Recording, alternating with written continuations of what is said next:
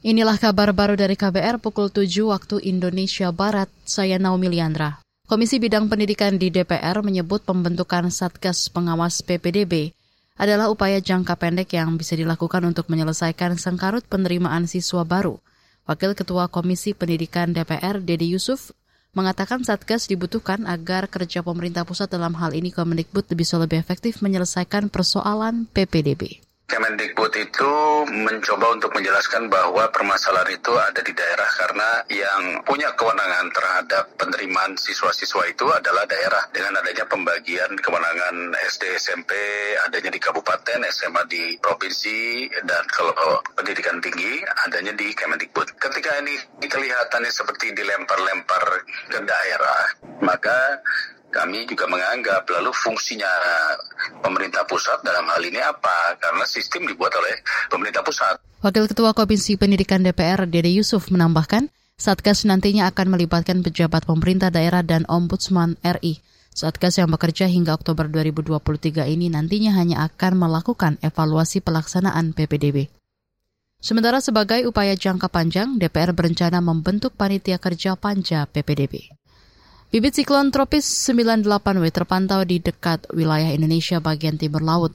Badan Meteorologi, Klimatologi, dan Geofisika BMKG memprediksi bibit siklon tropis ini berdampak terhadap cuaca di beberapa wilayah di Indonesia. Perakirawan BMKG Dendi Rona Purnama mengatakan badai tropis ini memiliki kecepatan angin maksimum 20 knots dan intensitasnya akan meningkat dalam 24 jam. Kondisi tersebut mampu meningkatkan potensi pertumbuhan awan hujan kecepatan angin, ketinggian gelombang laut di sekitar wilayah bibit siklon tropis dan juga di sepanjang daerah low level jet atau konvergensi tersebut. Beberapa daerah yang diprediksi terdampak bibit siklon tropis 98W adalah Sulawesi Utara dengan hujan sedang hingga lebat dan angin kencang.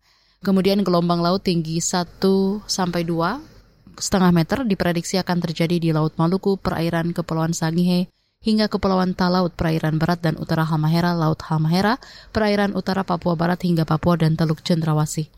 Sementara gelombang laut tinggi 2,5 hingga 4 meter diprediksi akan terjadi di Samudra Pasifik Utara Halmahera dan Samudra Pasifik Utara Jayapura.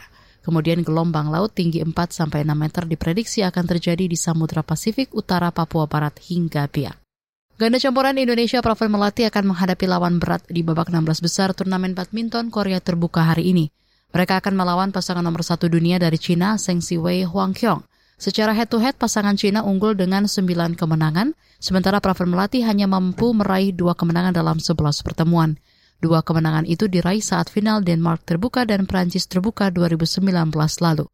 Laga berat lain juga akan dijalani tunggal Putri Kusuma. Dia akan menghadapi unggulan tuan rumah An Seyong. Di babak 16 besar, Indonesia meloloskan enam wakilnya, Selain Ravan Melati dan Putri, ada dua ganda putra, Fajarian dan Pramudia Yeremia, tunggal putri Gregoria Tunjung, dan ganda campuran Dejan Gloria.